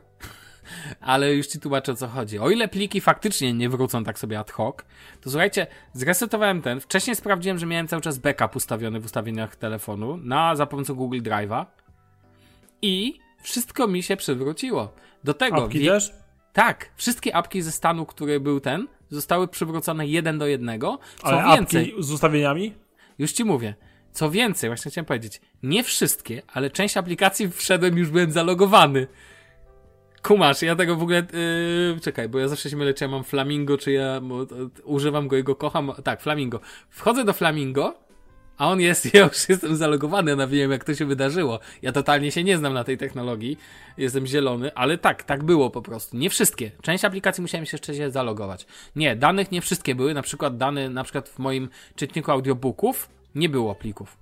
W sensie sobie je wygrałem ponownie. Ale to wcześniej sprawdziłem sobie, bo to, to tylko miałem to. Spotify oczywiście musiałem pobrać jeszcze raz playlisty, które miałem, no ale oczywiście jakby jak się zalogowałem, to to wszystko było, tylko musiałem pobrać jeszcze raz, ja kliknij download, tak, na tych playlistach, które miałem. Więc jako pliki, jako pliki nie. Natomiast generalnie najważniejsze dla mnie były aplikacje, bo mi się nie chciało później instalować, wiesz, ja mam 57 aplikacji na krzyż i nie chcę mi się tego później wszystkiego, nawet zrobiłem na wszelki wypadek screenshot całego, wiesz, wszystkich wiecie, screenshot z nowa launchera wszystkich aplikacji, które posiadam, żeby na wszelki wypadek było to zapisane. Ale mi się to nie przydało. Tapeta mi nawet się ustawiła. Okej, to może coś się ogarnęło od tego momentu. I właśnie, wiesz, to jest Pixel, więc jednak ja nie mówię, że na Samsungach to działa tak samo dobrze. Ja tylko podaję jako, to, to jest jednak urządzenie referencyjne dla Androida, tak? Więc jakby, natomiast chciałem powiedzieć, i co ważne, problem się rozwiązał, więc i telefon, nie wiem, nie mówię, że przyspieszył, tak? Ale po prostu to wszystko jakby znowu nabrało nowego życia. Nie, poczekaj, I- czekaj. To powinno być jak po każdej aktualizacji Androida na forach. Jest szybciej, ba bardziej responsywnie, a bateria dłużej Tak. trzyma. Ale tak. Ja cały czas jadę na tej zwykłej dziesiątce i nie no, i no ale to masz rację, to tak jest. E, I generalnie nie, nie, no powiem po prostu, e, byłem mega, jakby mega in plus, e, to wszystko zadziałało. Bałem się trochę, znaczy mnie to w ogóle nie martwiło, bo jakby ja sobie, ja lubię się bawić, ale rozumiem, że ktoś jakby nie ma na to czasu, tak? Jedyny fakt, musiałem się pologować, nie wiem, do Evernote'a musiałem się zalogować jeszcze raz. Widgety na pulpit nie, nie przywróciły się. Nie przywrócił się dokładnie ten sam układ. To jest ważne. To się nie przywróciło. Tapeta mi się przywróciła, układ już nie. Więc to nie jest tak super idealnie, że jeden do jednego lustrzane odbicie wszystkiego. Natomiast duże, najważniejsze dla mnie aplikacje się przeniosły.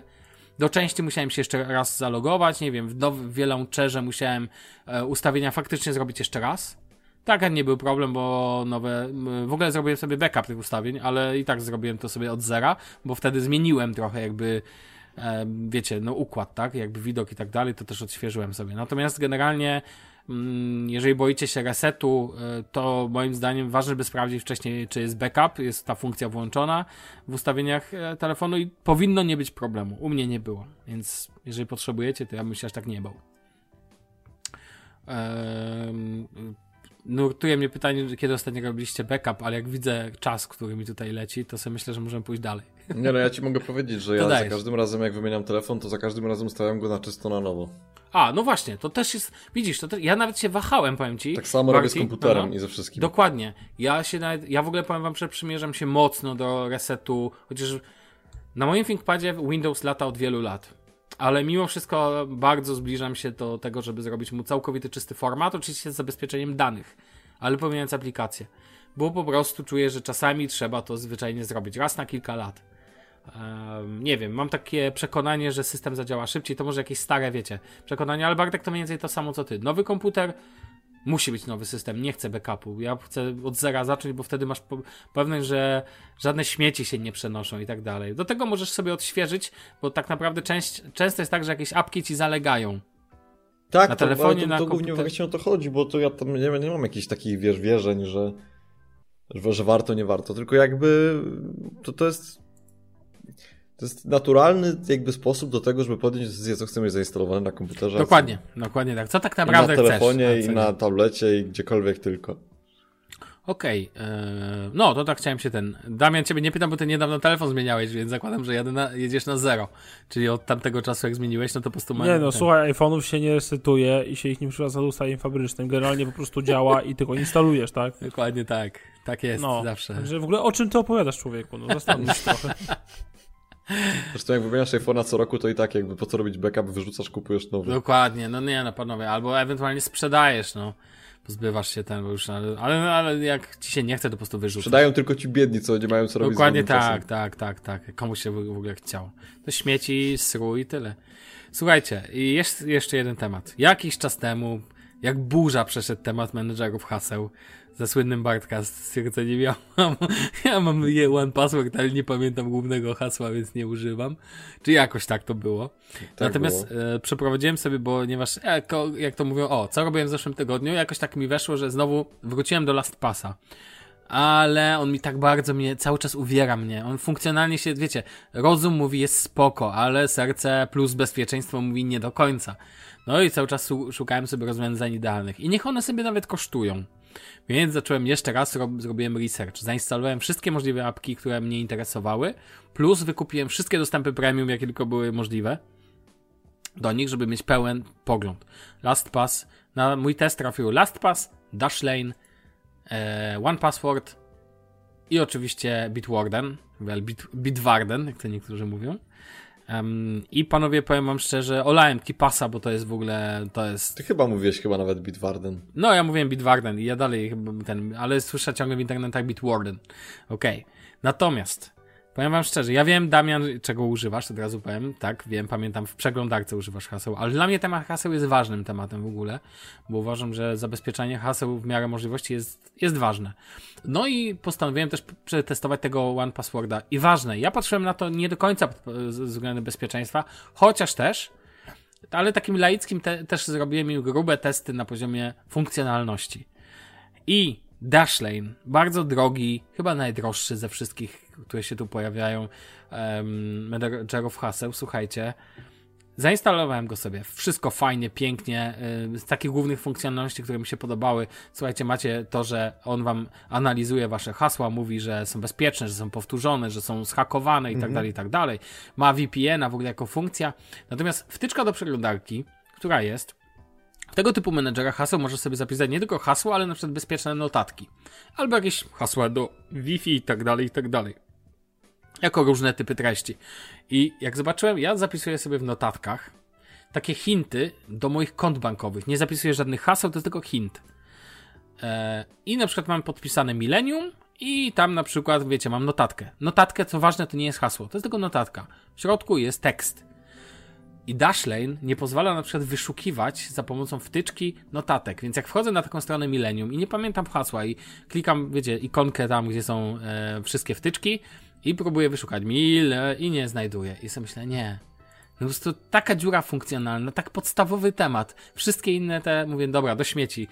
Oddajcie mi moje pieniądze, 30 dni money back guarantee, dziękuję, napisałem. Wiecie, super fajna rzecz, a tutaj podstawowa funkcjonalność nie działa. Ok, One Password. No, super w ogóle, super jest. Wyszukuję te notatki. Ma ekstra aplikację na Windowsa, bardzo ładną. Pozwala dzielić po różnych typach treści. Pozwala robić customowe pola. W ogóle tego typu aplikacja może być fajną aplikacją, wbrew pozorom, do notatek. Może się wydawać dziwne, ale ona się synchronizuje na wszelkie możliwe sposoby, na wszystkie przeglądarki, jest bezpieczna. Nie wiem, One Password wspiera Markdowna, możecie sobie załączać pliki. W ogóle po co ci Evernote? No naprawdę, no może sobie nawet używać do tego. No i wszystko pięknie, słuchajcie, używam tego One Passworda. No i e, często zdarza się tak, że jednym z podstawowych funkcji jest to, że kiedy wprowadzacie jakieś hasło z palca, to następnie taka aplikacja powinna wam wyświetlić monit, jeżeli tego hasła nie ma jeszcze w banku, waszych no. haseł, no. że zapisz to hasło. Ale One Password w dodatku One Password X, który jest obecnie głównym dodatkiem do przeglądarek, nie ma takiej funkcji. Ta funkcja jest przed kliknięciem zaloguj. Od, dlaczego to ma znaczenie? Ponieważ kiedy ja, jak to dokładnie działa? Wpisuję sobie pole login, wpisuję sobie hasło i on mi wtedy podaje pod tym, to zapisać to od razu hasło, ale ja mogę nie wiedzieć ze względu na to, ze względu na to, że ja dawno nie logowałem się na tej stronie, nie pamiętam, czy to hasło jest poprawne, czy nie. Więc chciałbym, żeby One Password zapisał mi post factum, kiedy już kliknę zaloguj i następnie wyświetlił mi monit, jeżeli to hasło było skuteczne, czy chcesz zapisać to hasło? One Password nie ma takiej funkcjonalności. Przekopałem Reddita, poczytałem o tym. Faktycznie tak to nie działa, jakbym chciał. Tylko stara wersja do, wtyczek do przeglądarek tak działa. Więc totalnie bez sensu. Muszę do, dodatkowe kliki, muszę przejść do banku, muszę tam wyedytować to ręcznie i tak dalej. Mówię nie. To, one, to LastPass ma to od, od zawsze. E, inne te to mają. Czy chcesz po prostu klikasz, zaloguj, i wtedy on ci pokazuje monit, czy chcesz zapisać to hasło. W One Password tak to nie działa. Mówię, nie, no to taka fajna aplikacja. Wprawdzie droga, ale złapałem kod na 25%. Zniżkę, jakby ktoś chciał, to mam taki kod na 25% rocznej. Szanuję. E, rocznej Cebula zniżki. Szanuje. Oczywiście, słuchaj, Damian, uczę się od króla i mistrza, czyli od ciebie. Zresztą na Dashlane'a też dostałem, e, też dostałem zniżkę. Też wykopałem gdzieś w internetach. Też 25% na rok. E, Okej, okay. mówię, dobra, spoko Usuwam to. I teraz słuchaj, a, powiem wam jedną, e, Bitwarden i LastPass. Bitwarden jest mega. Kosztuje 10 euro rocznie w wersji premium, albo jest całkowicie bezpłatnie, jak nie chcecie go używać. Jest, ma otwarty kod. Możecie go sobie zainstalować w stylu self-hosted, czyli możecie go sobie postawić u siebie. E, jest robiony, po prostu jest wspierany, wszędzie zbiera super opinie. I mega fajne z niej aplikacja, ale brakuje mi w niej jednej rzeczy, która mnie strasznie boli. A, w ogóle mega aplikacja na Windowsa, z, słuchajcie, z dark modem. Naprawdę ładna. W ogóle One Password ma bardzo ładną aplikację na Windows i właśnie Bitwarden, ale nie ma wsparcia dla jednej funkcji, na której mi mega zależy. Chodzi mi o Windows Hello. E, Bartek, posiadasz Surface Go, wiesz jak działa Windows Hello, to tak naprawdę jest logowanie do Windowsa za pomo- bez, e, bez No, no to co mamy tak, no twarzą, ale to e, Barty to też info dla ciebie może być też odciskiem palca, bo to jest jako technologia, a metoda identyfikacji jest tutaj dowolna. I teraz em, chciałem mieć za pomocą logowania, tak chciałem, pozazdrościłem użytkownikom Apple, chciałem się logować do mojego banku za pomocą Windows Hello, za pomocą odcisku palca, no ale się nie da. Oni nie wspierają tego. OnePassword pięknie wspiera funkcję ten. Nawet LastPass wspiera, ale LastPass wspiera w wersji premium, która jest bardzo droga, to też warto podkreślić. No a LastPass niestety ma dużo problemów związanych chociażby z tymi likami, wyciekami i tak dalej. Do tego wszystko jest tylko w przeglądarce, co mnie strasznie drażni, bo nie można sobie tego poukładać wygodnie dla mnie. No ale jednocześnie ma świetne funkcje, takie właśnie jak zapisywanie post factum, Bitwarden też to ma modyfikacja haseł, to bardzo lubię. Czyli słuchajcie, zalogowaliście się hasłem i ono z- zmieniliście je na przykład. Te, przy okazji je zmieniliście, bo musieliście, bo cokolwiek, tak? Bo chcieliście. I w tym momencie i Bitwarden, i LastPass proponuje wam aktualizację hasła. OnePassword tego nie robi, nie znalazłem takiej funkcji. Nie rozumiem w sumie czemu. Nie wiem, Barty, popraw mnie, jeżeli miałeś taką funkcję. Jeżeli, e, może nawet nie wiesz, że ona jest przydatna, Nie, ale to jest mega dla mnie, nie- przy- dla mnie mega przydatna funkcja aktualizacja haseł też jakby e, w programie. Natomiast Bitwarden ma takie trochę mniej agresywne, bo większość tych programów, które e, pozwala, ma, e, pozwalają uzupełniać hasła, kiedy macie pole do wpisania loginu lub hasła, ono ma też na jeszcze ikonkę, że możecie kliknąć i od razu w tym polu, w tym dokładnie polu wpisywania, jakby to się, jakby pod tym polem pojawia się podpowiedź. Bitwarden tego nie ma, ale ja to właśnie szanuję, że tam trzeba kliknąć wyżej, tam gdzie jest pasek adresu i tam dopiero jest, tam trzeba sobie stamtąd skopiować, ale mi to nie przeszkadza, bo wtedy mi nie zaśmiecia za tak widoku. To jest tam whatever. Natomiast powiem wam szczerze, jak Bitwarden jest tak mega fajną aplikacją, ale na przykład tego brak wsparcia dla Windows Hello, tak bardzo bym to chciał i widziałem, że na Reddicie, ale też na ich forum, tak dużo ludzi zgłosiło tą, tą potrzebę, też dla e, pełnego wsparcia na komputerach e, z systemem macOS, wsparcia dla identyfikacji za pomocą, wiecie, chociażby cisku palca, czyli tam Touch ID i tak dalej. Też tego nie znalazłem. Oczywiście działa to na urządzeniach mobilnych, zarówno na Androidzie, jak i na iOSie. E, Działa to bardzo dobrze, natomiast tak trochę tego brakuje, że szkoda. Co nie zmienia faktu, że chyba i tak zostanę znowu przy Bitwardenie, bo ta aplikacja, powiem wam szczerze, i ten Dark Mode, ja kiedyś mówiłem, że uważam, że, że robienie przez wielkiego Halo z y, Dark Mode'u jest bez sensu, ale tutaj jest to tak ładne po prostu, a Last Pass jest tak brzydki na tym tle, że czasami po prostu wygrywa wygląd, mimo że jakieś tam drobne różnice funkcjonalne są, w tym, że na przykład LastPass dla mnie działa trochę lepiej, ale Bitwarden jest po prostu, plus Bitwarden ma pełną, fajną aplikację na Windowsa co bardzo doceniam. Więc jeżeli szukacie, już to kiedyś mówiłem, ale jeżeli szukacie dobrego menedżera haseł i nie chcecie tego za pomocą Kipasa robić, który jest bardzo, no tam jest trochę zagmatwany, to jest fajne self-hosted i tak dalej, i tak dalej, ale to nie jest taki hop to nie jest ładny wygląd, to uważam, że połączeniem między takimi totalnie em, totalnie komercyjnymi em, menedżerami haseł, a menadżerami haseł e, takimi totalnie, wiecie, open source, takimi bardziej, ja bym powiedział, nerdowymi, to jest właśnie Bitwarden.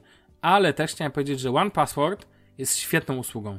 Mnie drażni ta funkcja zapisu przed jakby, ale jak komuś to w ogóle nie przeszkadza, to bardzo polecam. Uważam, że One Password ma jedną super fajną funkcję, która w jakichś tam hybrydowych wersjach jest też u innych. Chodzi mi te o te e, rodzinne jakby pakiety, które pozwalają, że każdy ma ten swój skarbiec z hasłami, plus macie dodatkowy wspólny skarbiec. Na hasła do Netflixa, wiecie, do Spotify i tak dalej, i tak dalej. Mega fajnie to działa, One Password jest naprawdę ok. Barty, ty używasz cały czas teraz już dzielnie One Passworda, czy nie? Czy tak, jakby- cały czas. Jesteś zadowolony? No, ja nawet dokupiłem sobie po, po 6 miesiącach, teraz wykupiłem już na rok. Okej. Yy, I I jesteś zadowolony. tak. To ogólnie to jest, powiem szczerze, tak, już teraz pamiętam. Yy, ogólnie ten ostatni, yy, no jakby ja w ciągu ostatniego czasu dużo bardziej widzę jakby takie korzyści płynące z, z wygody. Bo tak naprawdę to jest w sumie wygodniejsze rzeczywiście, tylko trzeba jakby mózg przestawić. Tak, ja jeszcze powiem wam, że dodałem sobie i w LastPassie i w Bitwardenie i polecam to, na pewno jest to w OnePassportie, nie sprawdzę, znaczy na tysiąc milionów procent jest to, autentyfikację tą e, dwuskładnikową. Ja sobie na przykład podpiąłem Google Authenticator, że musicie wprowadzić jeszcze dodatkowe dane z, na telefonie musicie się jakby, wiecie, zalogować jakby dodatkowym właśnie metodą jeszcze autentyfikacji. Ale tak finalnie, no nie? Bo ja No. to tak chyba trochę Mhm. zgubiłem. Ty zostałeś z tym One- One Password? Został, nie? zos- nie, nie, One Password poszło ze względu na ten zapis, za to zapisywanie przed tym. Tak mnie to, ja nie lubię jak mi jakieś funkcje, są takie funkcje kluczowe, to jest funkcja dla mnie kluczowa, brzegowa.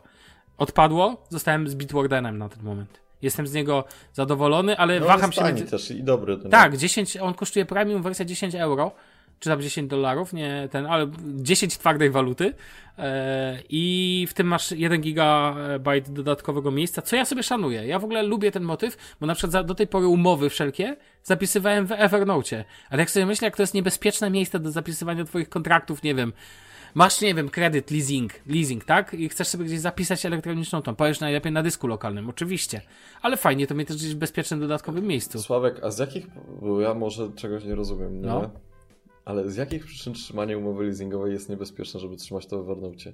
I teraz jakby ja wiem, że może być znowu jakiś rage czy coś, tylko ja naprawdę nie wiem. Chodzi o to, że wycieki, że poczytaj sobie o tym, jak Evernote było schakowane, co nie? I tam możesz tak naprawdę w Evernote dodatkowo zabezpieczyć notatkę i plik też jeszcze hasłem. Ale jeżeli Czyli chodzi... bardziej chodzi ci o to, przepraszam, No. że ktoś ma świadomość, że ty masz leasing, a nie o to, jakby jaka jest umowa leasingowa. Tak, chodzi o to, że ktoś to może przejąć, wiesz, Mhm, że ktoś to dobrze. może schakować. E, jednak, co by nie powiedzieć, e, pliki zabezpieczone w tego typu waltach, tych, tych, tych skarbcach, są szyfrowane za pomocą najbardziej bezpiecznego możliwego szyfrowania, jakie jest. E, Warto sobie, to jest to 250, ten klucz 256. Ja nie jestem ekspertem, tak ja po prostu ufam. Tak jak czytam tutaj, to wiem, wiem, że menedżery haseł nie są rozwiązaniem idealnym, ale są rozwiązaniem bardzo dobrym. I po prostu pomyślałem sobie, że na przykład trzymanie umów, e, jakichś kodów na przykład niektórych. Ja na przykład niektóre kody też długo trzymałem w Evernote. Jest po prostu głupie. Bo jak ktoś to schakuje, a wiecie, Evernote nie jest aplikacją do przechowywania haseł. A to, że możesz przechowywać sobie dokumenty na przykład, ważne dokumenty, bo ja na przykład nie lubię trzymać papierowych dokumentów, ale je trzymam oczywiście. Jakieś kontrakty podpisane i tak dalej, na coś, nie wiem, umowę na to, na tamto, umowę o pracę na przykład. Ja sobie zdigitalizowałem i ją trzymam w wersji elektronicznej. Wszystkie pity. Uważam, że to są bardzo newralgiczne dokumenty i oczywiście ktoś powie, no to trzymaj je sobie na lokalnym dysku. Fajnie, tylko co jak stracisz lokalny dysk? Zrób backup, co jak stracisz backup w domu, będziesz miał pożar. Stracisz i to, i to. Gdzieś musisz znaleźć jakieś online nowe miejsce, tak? Własna chmura? Okej. Jest to jedno z rozwiązań, ale taki, tego typu menedżer haseł nasuwa się aż sam, samo przez się. Zresztą One Password, e, Barty, ma bardzo fajną funkcję, że możesz dodać typ treści, dokument. Zwróć uwagę na to. I to akurat bardzo fajnie działa. Sprawdzałem też na urządzeniach mobilnych, też z urządzeń mobilnych możesz taki typ treści. To jest właśnie po to. Licencja oprogramowania, jeżeli masz, kody i tak dalej. Tego typu rzeczy. To też są bardzo dobre miejsca do przechowywania właśnie. I to też zresztą robiłem w Evernote, ale zacząłem przestawiać teraz się na menedżer haseł.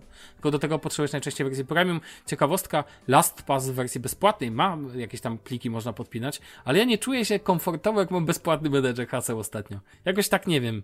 Wiecie o co chodzi? Że to jest tak newralgiczne miejsce twojego życia, a ty nie chcesz za to zapłacić tych kilku Ty burżuju. euro albo dolarów? Ja już tak, tak, no nie? To tak jak niektórzy się czują komfortowo, jak jeżdżą z kodą. No dokładnie. To chodzi. Nie, to jest tak, jak niektórzy czują się e, komfortowo siedząc na chuj. Dobra, na złym krześle. O, ty, ty, Byłem ty, ty. blisko, ale się udało. Na złym krześle i wiesz, i niszczą sobie kręgosłup, albo śp- śpią na złym materacu. Człowieku, od tego, to jest jedna trzecia twojego życia. Weź sobie kup dobry materac, zamiast kupić sobie do, e, dobry telefon. Naprawdę. To tak od siebie. Dobra, panowie, ja już jakby powiedziałem, więc podsumowując, Bitwarden jest spoko, LastPass funkcjonalnie jest spoko, One Password jest bardzo spoko, jeżeli nie będzie wam przeszkadzać jedna czy druga cecha, mi przeszkadza, a Dashlane jest za drogi. To tak od siebie e, powiem. No. I to tyle. Panowie, jakieś słowa podsumowania na koniec? Coś chcecie ten na koniec tego sezonu? Y, Zapraszamy na następny sezon. Dokładnie tak. Tak. I w tym samym zapraszamy składzie. do tego, żeby nam komentować, wystawiać O. oceny na iTunesie, yy, Tak. subskrybować na Spotify'u, bo jakby nie wchodźcie na tą stronę, jak nie musicie. Nie, ale to I jest, co, ale będzie ogarnięte. tak, tak, dokładnie po to jest też ta pauza między nimi. Ale też taka. No i jakby my będziemy pracować, ja coś tam też już powoli sobie dłubię. Yy, fajnie by było jeszcze, jakbyście nam właśnie jakieś komentarzy czy coś i na przykład też bardzo mile widziane jest to, że jak ktoś 3 lata temu napisał pod jakimś odcinkiem Bartek, ty głupi debilu, to żeby na przykład teraz poszedł tam, na przykład na iTunes, Bartek, ty I przeprosił. i, i zmienił to na przykład Bartek, ty, nie wiem, śmieszny człowieku albo cokolwiek, no nie? Radosny Gł- Głupie, śmieszny człowieku. Radosny jednorożcu, to mi się podoba w ogóle bardzo. Tak czy siak, bardzo cieszą mnie jakby komentarze na temat naszego podcastu. Nieważne, czy są negatywne, czy pozytywne. Znaczy, chciałbym, żeby było ich więcej pozytywnych, ale y, staram się te negatywne też czytać. To co, może ja Także spojrzę... pamiętajcie, łapka w górę, zostaw suba, kliknij dzwoneczek, sekcja komentarzy nie jest mamy dla w was. podcaście takich rzeczy. My tylko co najwyżej możecie, możemy powiedzieć, y, wejść na stronę, wygraj iPhone'a. Bartek, ja jeszcze mam do, ja do ciebie mam prośbę. Ania S- SRV napisała na naszej stronie pytanie. Możecie napisać, o jakim modelu Dysona mówił Bartek w odcinku? Pamiętasz? Chodziło chyba ci o jakiś odkurzacz A ten albo... odkurzacz. Tak, y, Możesz nawet to sprawdzić mogę dla to... Ani SRW. Będziemy, zróbmy tak, będziemy od tej pory zawsze sprawdzać nasze komentarze, będziemy odpowiadać na pytania na komentarzach na stronie. Jezus, No, jakie to jest, w sensie to jest spełnienie moich marzeń. Jakby ja za kiedyś pisałem swojego fantastycznego bloga o technologii. No. To jedną z głównych motywacji było to, że będę miał w końcu kolegów i będę mógł z nimi rozmawiać. Mówię poważnie. Yy, A teraz co do Dysona, to był to Dyson V8 Absolute. Dziękujemy bardzo. Jeżeli, Taka chce, wódka trochę. jeżeli macie do nas pytania... Ale panowie, to jest dobry pomysł. Odnośmy się na końcu e, ten naszych Tak, to jest wpisów. bardzo dobry To pomysł. jest ten, szczególnie do komentarzy na stronie, jak ktoś już się poświęcił, miał pytanie.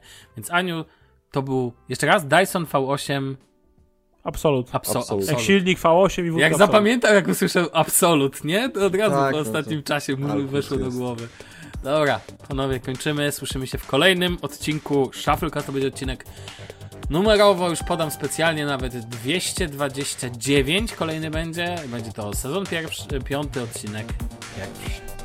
Do usłyszenia. Na razie, trzymajcie się, cześć. Siema. Pa, pa.